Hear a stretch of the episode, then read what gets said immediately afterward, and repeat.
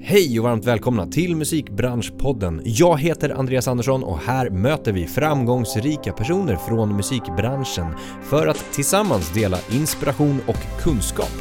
Podden produceras av DMG Education, musikbranschens digitala kunskapsarena med kurser, utbildningar och coachning för dig som vill utveckla din karriär. I dagens avsnitt går vi längs minnenas allé när jag pratar med Pierre Hellqvist som under nästan 20 år drev en av Sveriges största och viktigaste musiktidningar, Sonic. Vi pratar om musikjournalistikens roll då och idag, hur den har ändrats och hur dagens gatekeepers ser ut.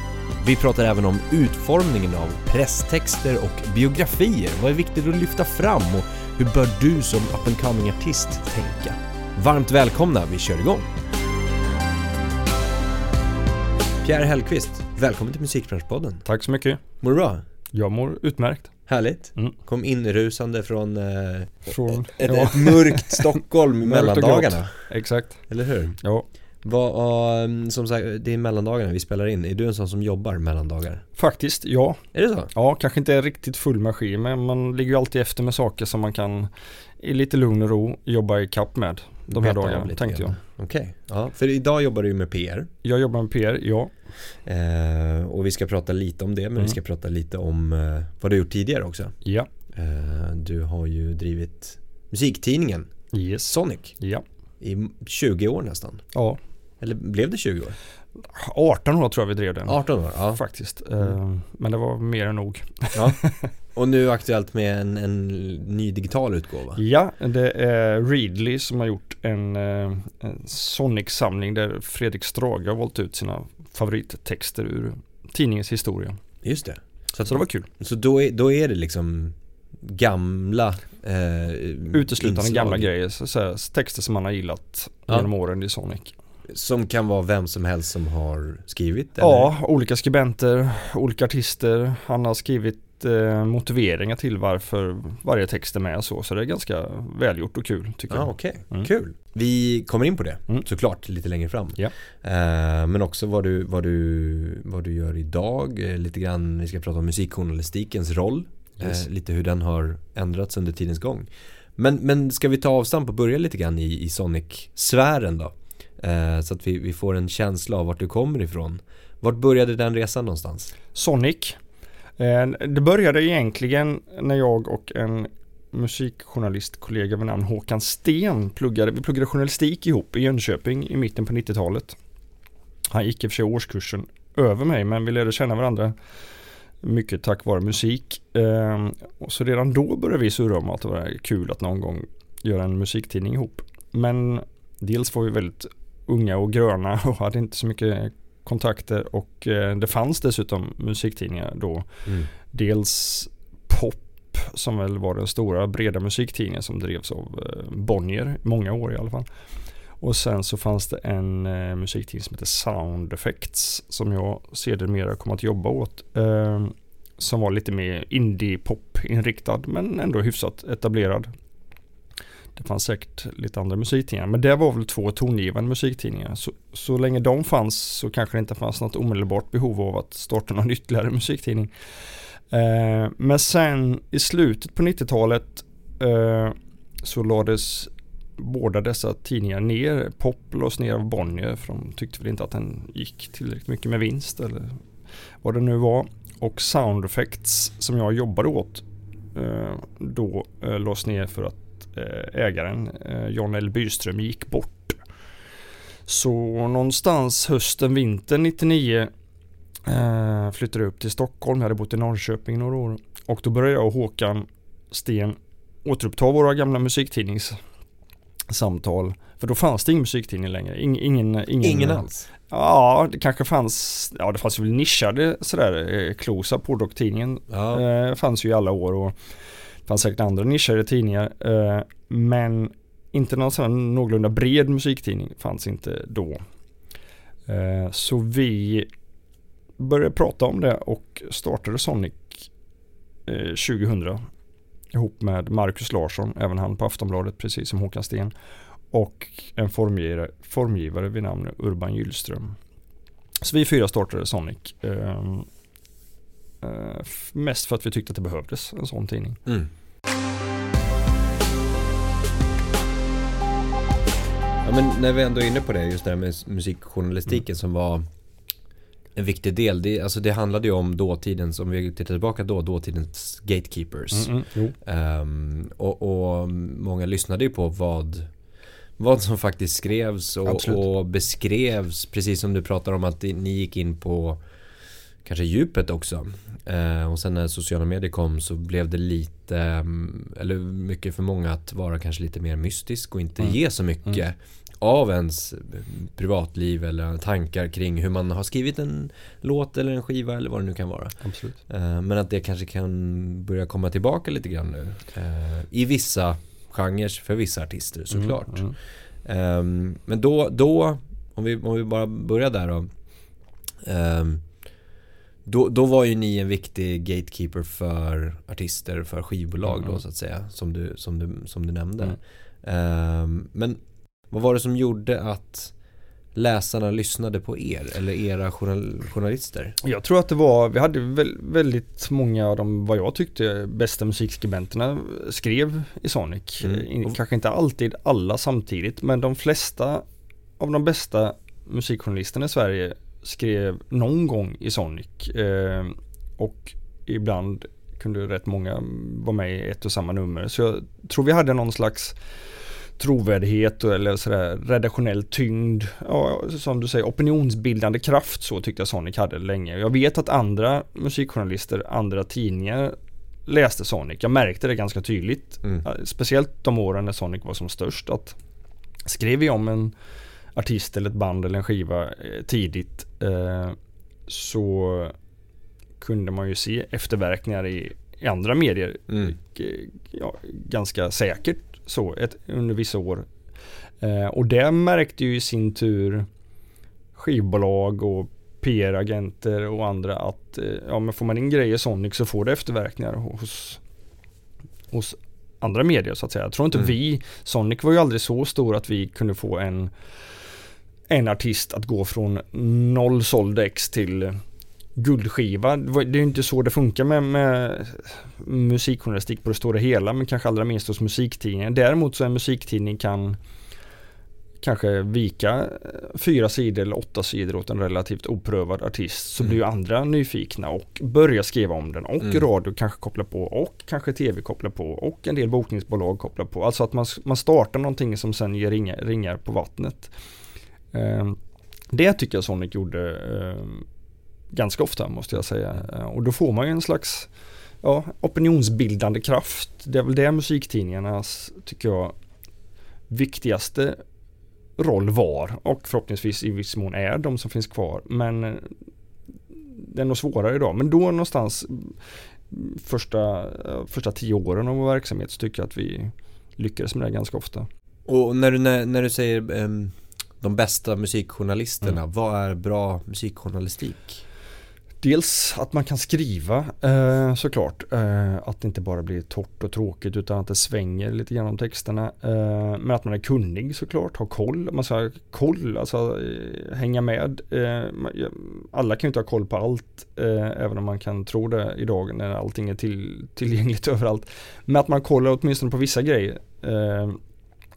och kan skriva.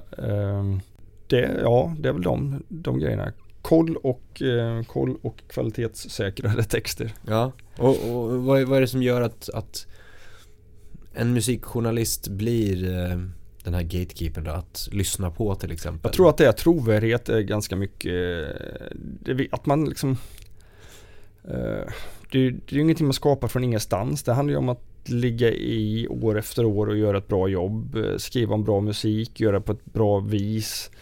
Ehm, det är jättesvårt att veta varför. Men i slutändan de eh, journalister som håller sig kvar år efter år. Eh, vad man än tycker om dem. Eh, är ju ändå. De är ju gjort av en anledning trots allt. De är ju väldigt bra pennor. Bra koll. Vet vad de vill ha sagt. Och har någon slags trovärdighet inom det de gör.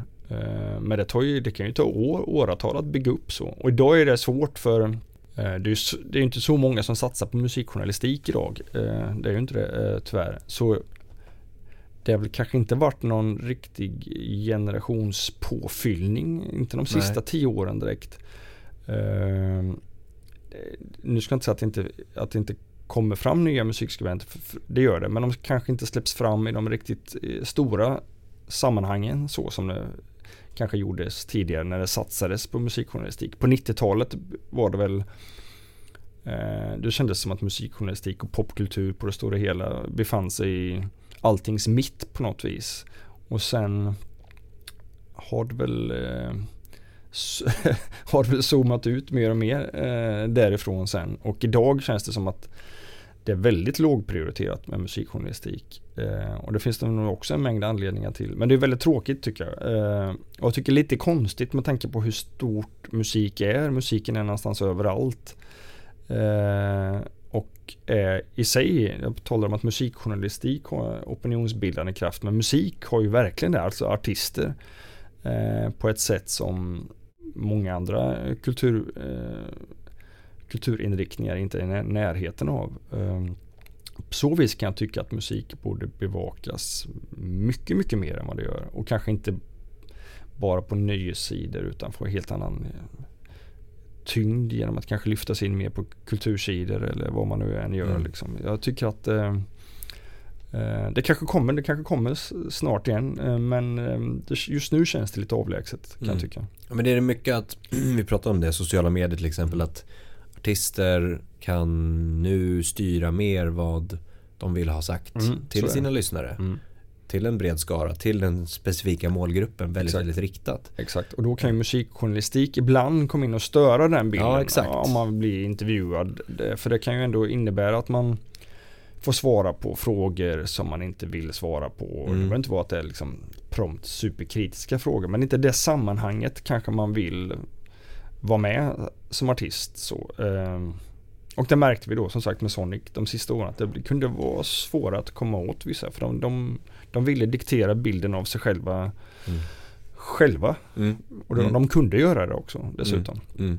Det fanns ingen anledning för vissa artister att vara med. Sen kunde vi tycka det, för vi tyckte de var intressanta. Vi ville ju komma åt dem, vi ville mm. skriva om dem, vi ville prata med dem.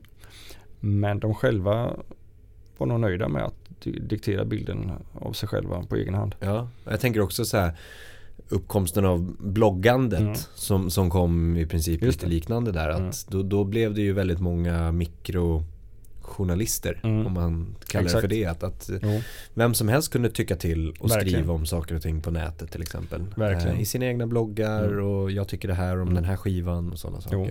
Och då, lyssnade, då byggde jag upp ett following också och lyssnade på då blir ju de en slags gatekeeper för, Exakt. för vissa. Plus då att i och med Spotify, YouTube och den typen av tjänster så blev ju varje, varje lyssnare blev ju, man säga, nästan sin egen musikjournalist. Ja. Alltså man behövde inte längre, tidigare fanns ju musikjournalister som en slags ja, gatekeepers eller sådär att man eh, man kunde lyssna i förväg på mm. någonting mm. eh, eftersom man ofta fick förhandsex på skivor.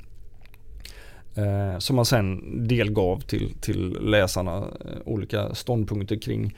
Eh, men i och med Spotify och YouTube så kunde ju lyssnarna, konsumenten, lyssna själva eh, ganska omedelbart på mm. vad eh, på en skiva och bilda sin egen uppfattning. Alltså behovet av eh, musikjournalistens uppfattning av musiken minskade ju ganska rejält där när man kunde bilda sig en uppfattning på egen hand. Ja. Eh, sen kan jag ju tycka att det fortfarande finns ett behov av eh, eh, musikjournalisten som eh, gatekeeper i alla fall. Inte så mycket för att berätta kanske hur det låter, även om det kan finnas poänger även där. Men, men snarare att, att leda folk rätt för det saknas ju inte musik där ute. Det finns ju hur mycket mm. musik som mm. helst. Vad ska man lyssna på i allt detta? Där kan det behövas kanske eh, musikjournalister att, att, att eh, leda, leda massorna ja. rätt. Leda och kurera lite grann. Leda och kurera, det är ju en roll. Och ibland känns det som att vissa, viss musikjournalistik har nästan nöjt sig dock bara med att kurera. Att rätt mycket mm. handlar om att göra spellistor och ja, vi, har vi ju själva gjort hur mycket som helst på Sonic. Eh, men det kan bli lite tomt att bara göra det. Så, så det, det, krävs nästan att man gör det och bedriver ja, eh, omfattande, om det nu är text eller om man nu sysslar med anna, annat medie. Liksom, att det måste vara någonting mer utöver att bara göra spellistor. Det är lite för enkelt så. Mm. Men, men, kurera absolut, att leda folk rätt är ju en, ett moment i musikjournalistik. Men det får inte, det får inte stanna där. Liksom. Nej, Ibland nej. känns det som att det gör det numera. Att det är väldigt mycket ja, ja, att lägga upp en, en, video eller en spellista. Liksom. Det blir lite tomt så det också mm. faktiskt. Det måste, det måste till något mer kan jag tycka om det ska, om det ska kallas musikjournalistik. Mm, mm.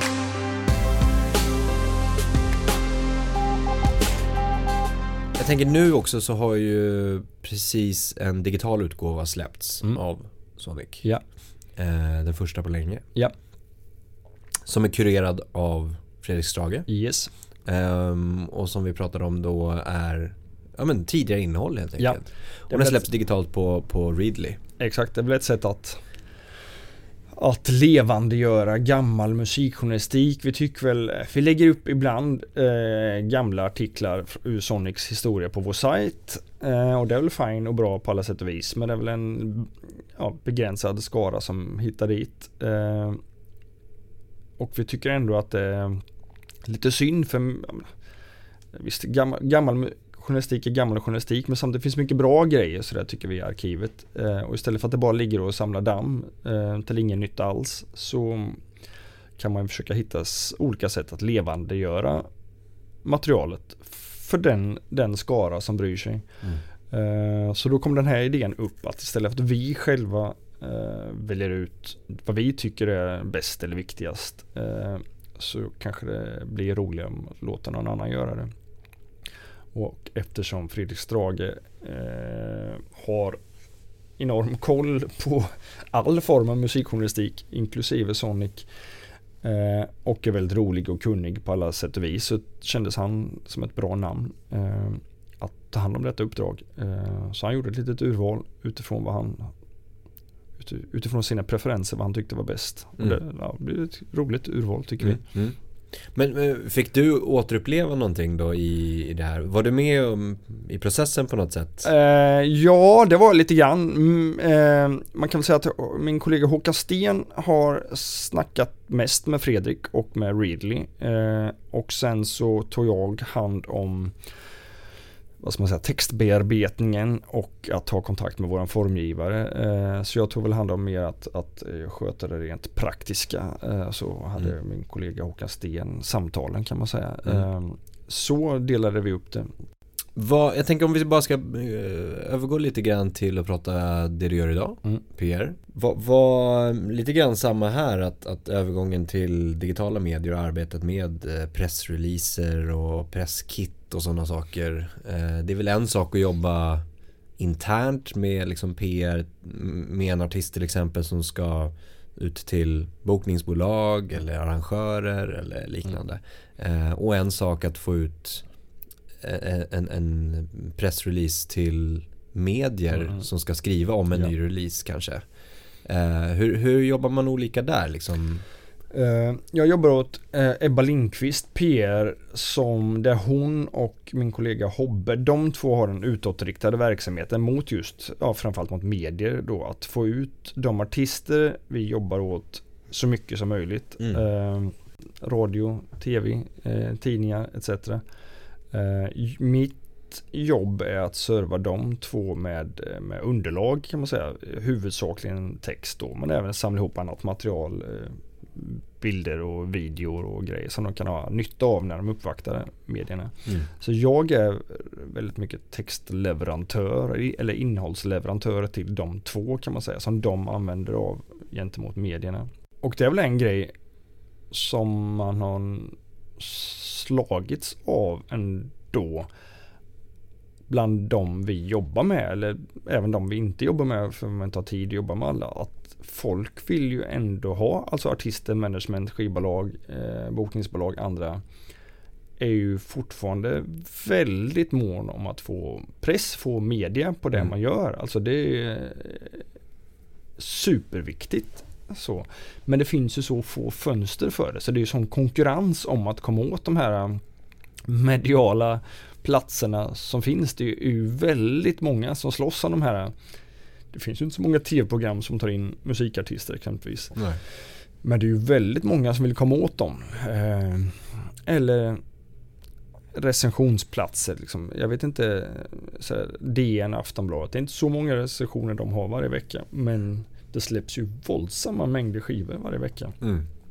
Så det där att komma åt de där platserna eh, är ju jag skulle säga att av den anledningen är kanske musikjournalistik mer betydelsefull än någonsin just eftersom det finns så lite av den. Så att komma åt de där eh, få redaktionella platserna som finns är ju hårdvaluta. Mm. Det kanske inte är superviktigt för en viss typ av artister som eh, streamas jättemycket så. Utan det, där är nästan eh, låtarna ibland eh, snarare än artisten som är jätteviktig. Eh, men för en viss typ av artister är ju mediagenomslag och press jätteviktigt så för ja, om man ska bokas, om man ska få festivaler och hela den där biten. Mm. Så det, det är ju verkligen hårdvaluta med, med, med eh, medialt genomslag så eftersom det är så svårt att Mm. få det idag. Mm. Jag tror kanske också att, äh, eller ta ett exempel med recensioner. För kanske bara tio år sedan så kunde man nog säkert få, om man var en någorlunda etablerad artist, 15, 20, 25 recensioner på ett nytt album runt om i Sverige. Idag kommer du upp i fem får du vara nöjd idag. Alltså 10 kanske du kan klara om du är Håkan Hellström, Sara Larsson. Då kanske du kan få sådana mängder recensioner. Men annars är nog, får du fyra, fem recensioner på ett nysläppt album så då, då får du vara nöjd. Då har du lite att visa upp i alla fall. Mm. Så. Mm. Eh, Så det har ju förändrats jättem- jättemycket. Det finns inte mycket kvar längre. Eh, Och det tror jag kan jag tycka borde oroa branschen lite grann. Nu vet jag att storbolagen rätt mycket jobbar eh, digitalt. Spotify, YouTube, eh, hela den biten är superprio för dem. Men just att skapa för en viss typ av artister ja, ett, ett sammanhang och att bygga en artist. Där behövs ju musikjournalistiken då för att det gör en artist liksom eh, eh, för att dess karaktär ska komma fram så. Det fun- all, allt funkar ju inte. Det går ju att bygga artister på så olika vis. Och allt funkar kanske inte riktigt eh, i, i, ja, i streamingmiljön så. Men kan dra väldigt mycket folk exempelvis live. Eh, och det tror jag att, att eh, branschen, eh, musikbranschen kan komma att sakna musikjournalistiken när den ja, en dag kanske inte finns kvar. Eller finns kvar kommer den alltid göra. Men den är ändå väldigt decimerad nu jämfört med hur det var tidigare. Och därmed blir det svårt att bygga, bygga artister Mm. så som man en gång byggde dem. Men hur, hur, jag tänker på det här med att, att fånga budskap, fånga det mm, artisten till exempel vill förmedla i en pressrelease. Eh, hur svårt är det? Det kan vara svårt. vidare. Eh, Det kan vara svårt. Jag, det har jag märkt nu när jag skriver mycket pressreleaser och biografier till artister. Mm. Att eh, det finns ingen, man kan tro att det kanske finns en given mall hur man bygger upp en biografi eller presstext. Men det gör det inte riktigt för olika artister vill betona så olika saker i, sin, i sitt artisteri. Mm. Så det är väldigt mycket från fall till fall har jag märkt vad som passar artisten. Och ibland träffar man rätt från början och ibland gör man inte det. Liksom, just eftersom man kanske trott att men det här funkar ju för den artisten. Mm, men det funkar inte nödvändigtvis för den här andra artisten. Så man får, eh, det kan vara väldigt olika vad man lyfter fram. Och en del, en del artister som kanske opererar mer på den kommersiella planhalvan kanske vill betona mer statistik, streamingsiffror, eh, guldskivor eller annat. Liksom. Mm. Det är inte kanske alltid artisten själv som vill det. Det kan vara managementet eller skivbolaget som vill att det ska lyftas fram. Men medans eh, artister som eh, eh, hör hemma i en annan del av musikvärlden kanske lyfter fram annat kring ja, vad för slags karaktär man är eller vilken, vilka slags särdrag ens musik har. Eh, eller vad nu än kan vara. Eller ens story. Eh, storyn är ju väldigt viktig i, hur- när man lanserar artister idag. Eh, har, man, har jag också, det fattade jag redan innan jag började i PR-världen eftersom man ändå har sysslat med det i, i form av journalistik. Men det har blivit väldigt tydligt för mig så att, att, eh, att ha, ha, har du ingen story eh, till, till en skiva så kan det vara jättesvårt att få ut den överhuvudtaget. Det spelar ingen roll hur bra skivan är. Finns det en story och då talar vi ja, allt sånt där vanligt som media går igång på. Skilsmässa, missbruk, eh, uppväxt, eh, något traumatiskt eller dramatiskt åtminstone. Så nappar ju media mycket lättare på skivan. Liksom. Mm, Kanske mm. egentligen o, eh, oberoende av hur den låter. Det är inte nödvändigtvis att de lyssnar på den. Men det finns en story där. Då blir man intresserad av, av artisten. Så ska man vara krass så så ska nog en artist inte bara, inte bara jobba på sin musik utan man ska jobba på sin story också. Mm, mm. I, i, I den bästa världen kan man ju kombinera det att man både gör väldigt bra gångbar musik med att det finns, uh, finns en berättelse kring det hela. Uh, men det, det, är ju inte så lätt för alla att liksom bara vaska fram, bara vaska fram ett, en dramatisk eh, kringberättelse. Ja, exakt. Eh, men det, det, är väldigt tydligt tycker jag faktiskt att, att eh, story, är minst lika viktigt som musiken faktiskt. Mm, mm. Men om man är, är säg att man vill eh, nå ut med sin musik på egen hand och kanske ska skriva sin egen mm. bio, eh, biografi eh, som ska inkluderas i ett, en, ett eh, elektroniskt presskit till exempel mm. för att skicka till ett skivbolag eller ja, management ja. eller bokningsagent. Um, hur, hur bör man utforma den?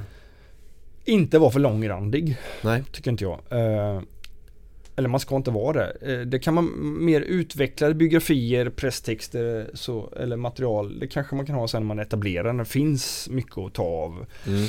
Men för att bara väcka nyfikenhet. Framförallt ska man se till att lägga uh, mörda på musiken när, om man är oetablerad. Alltså man måste vara bra. Alltså så enkelt är det. Man måste vara egen i alla fall. Uh, ha karaktär, väldigt viktigt. Men inte lägga för mycket möda på på att skriva en lång text. Det ska vara ganska kort. Det ska väcka nyfikenhet. Så framförallt mm. man måste bli nyfiken som mottagare. Uh, och när man väl då sätter igång och lyssnar så måste det också då ha karaktär. Det måste finnas något eget, någonting bra där. Eh, men det finns ju, all, det finns ju alla varianter. Sådär. Eh, vi får ju mycket till, till eh, Ebba där, till, till byrån jag jobbar åt. Många som vill jobba med oss, men vi hinner ju inte med att jobba till närmelsevis. Det är bara en bråkdel vi kan mm. jobba med. Och en del givetvis säger vi nej till för att vi ser små chanser att få ut det. Man måste ju ändå tro på att man kan få ut det också. Mm. Mm. Så är det ju Uh, ingen poäng med att jobba med det. Men likadant man jobbade med Sonic. Det var ju jättemånga som skickade sin, alltså oetablerade artister också, inte bara liksom etablerade som hörde av sig, utan oetablerade artister som skickade sin musik eh, till oss. Uh, och där, där, det mesta föll väl på att det inte var tillräckligt bra. Uh, men ibland så, det kommer ihåg att många la lite för mycket möda på att skriva långt om sig själva. Man har inte riktigt den tiden när man sitter som redaktör att läsa en massa om något som man inte vet vad det är. Utan det måste Nej. vara någonting som väcker ens nyfikenhet. Eh, och om det är, det kan vara så många olika saker. Det kan vara en pressbild som gör att man blir nyfiken. Det kan vara någon formulering, någon kort enkel formulering i presstexten. Eh, det, kan, det, det kan vara så olika saker som gör varför man blir nyfiken på någonting. Eller kan det vara att kanske någon annan har viskat om den här artisten, det här bandet tidigare. Mm. Att man har fått det liksom, att man har hört talas om det någonstans ändå. Uh, men jag tror framförallt att vad gäller oetablerade artister, att snarare att man ska lägga uh, för mycket jobb och kraft på att få till ett skivkontrakt eller få jobba med en PR-byrå. Så tror jag att man ska uh, söka likasinnade inom det man håller på med. Att försöka nätverka inom blir viktig om så bara i en liten, liten, liten sfär eller inom en liten, liten scen. Eh, att nätverka med andra musiker. Eh, hjälpa varandra. Så att dra varandra. För blir man viktig där och omistlig där och om man då dessutom givetvis gör bra musik så kommer det förr eller senare liksom läcka ut eller bubbla ut till, till media eller till mm. skivbolag eller till bokningsbolag. Eh, men man måste, jag tror att man ska bli, försöka tänka så först än, snarare än att, att liksom sikta på det stora skivkontraktet eller DN kulturomslaget eller vad det nu än är. Liksom. Mm, eh, mm. Är man bra så kommer man kanske dit så småningom i alla fall. Men man måste bli viktig någon, någon annanstans först tror jag. Mm. Så storyn, sticka ut i, i, på alla sätt det går där och Ja, kanske skippa den här... Och det finns kanske inte direkt några genvägar. Det- Visst, för ett fåtal artister så kan det gå skitsnabbt om man är en excep- exceptionell begåvning och en exceptionell karisma och Mm. kanske kontakt eller vad nu än är. Men de är ju så himla få. Jag tror inte det finns några genvägar till, till musik. Ska man ha en chans så måste du ändå vara bra och vara unik så. Eh, I slutändan är det det. Visst, en del kan börja som ja, att man härmar någon artist lite grann eller att man är influerad av någonting. Men ska du ha en chans in the long run så måste du vara din egen och liksom staka ut en egen riktning. Eh, Och det är lättare sagt än gjort så, men det är nog det enda sättet att göra det på. Att göra, göra det själv unik så och Mm. om, omistlig. Och då i själva presstexten eller biografin kanske skippa det här att eh, bandet X startade år Ja, nej. bestående av bandmedlem X, Exakt, XX. exakt. Det, det är relevant i början så. Det kan man ta som, som sagt när de är etablerade, när det finns en story att berätta. Exakt. Man liksom ska kanske nå ut lite bredare till, till media sådär att då kan man gå in på det. Men Mm. i början, väck nyfikenhet, skapa nyfikenhet k- kring Mm. det på olika vis. Mm. Och det, får man, det, det har väl kreativiteten inga gränser. Man, det får man hitta på vad som helst. Ja. Men givetvis då kombinera det med, med, med att vara bra. Mm. Så. Du Pierre, eh, tack för trevligt samtal. Tack själv. Ett nöje. Tack så jättemycket för att du har lyssnat på podden. Vi uppskattar det verkligen väldigt, väldigt mycket. Hör jättegärna av er till oss med era utmaningar. Vad står ni inför? Vad behöver ni hjälp med? Vi vill hjälpa er. Vi vill ta del av eran resa. Hör av er till oss info at dmgeducation.se. Ha en fortsatt härlig dag.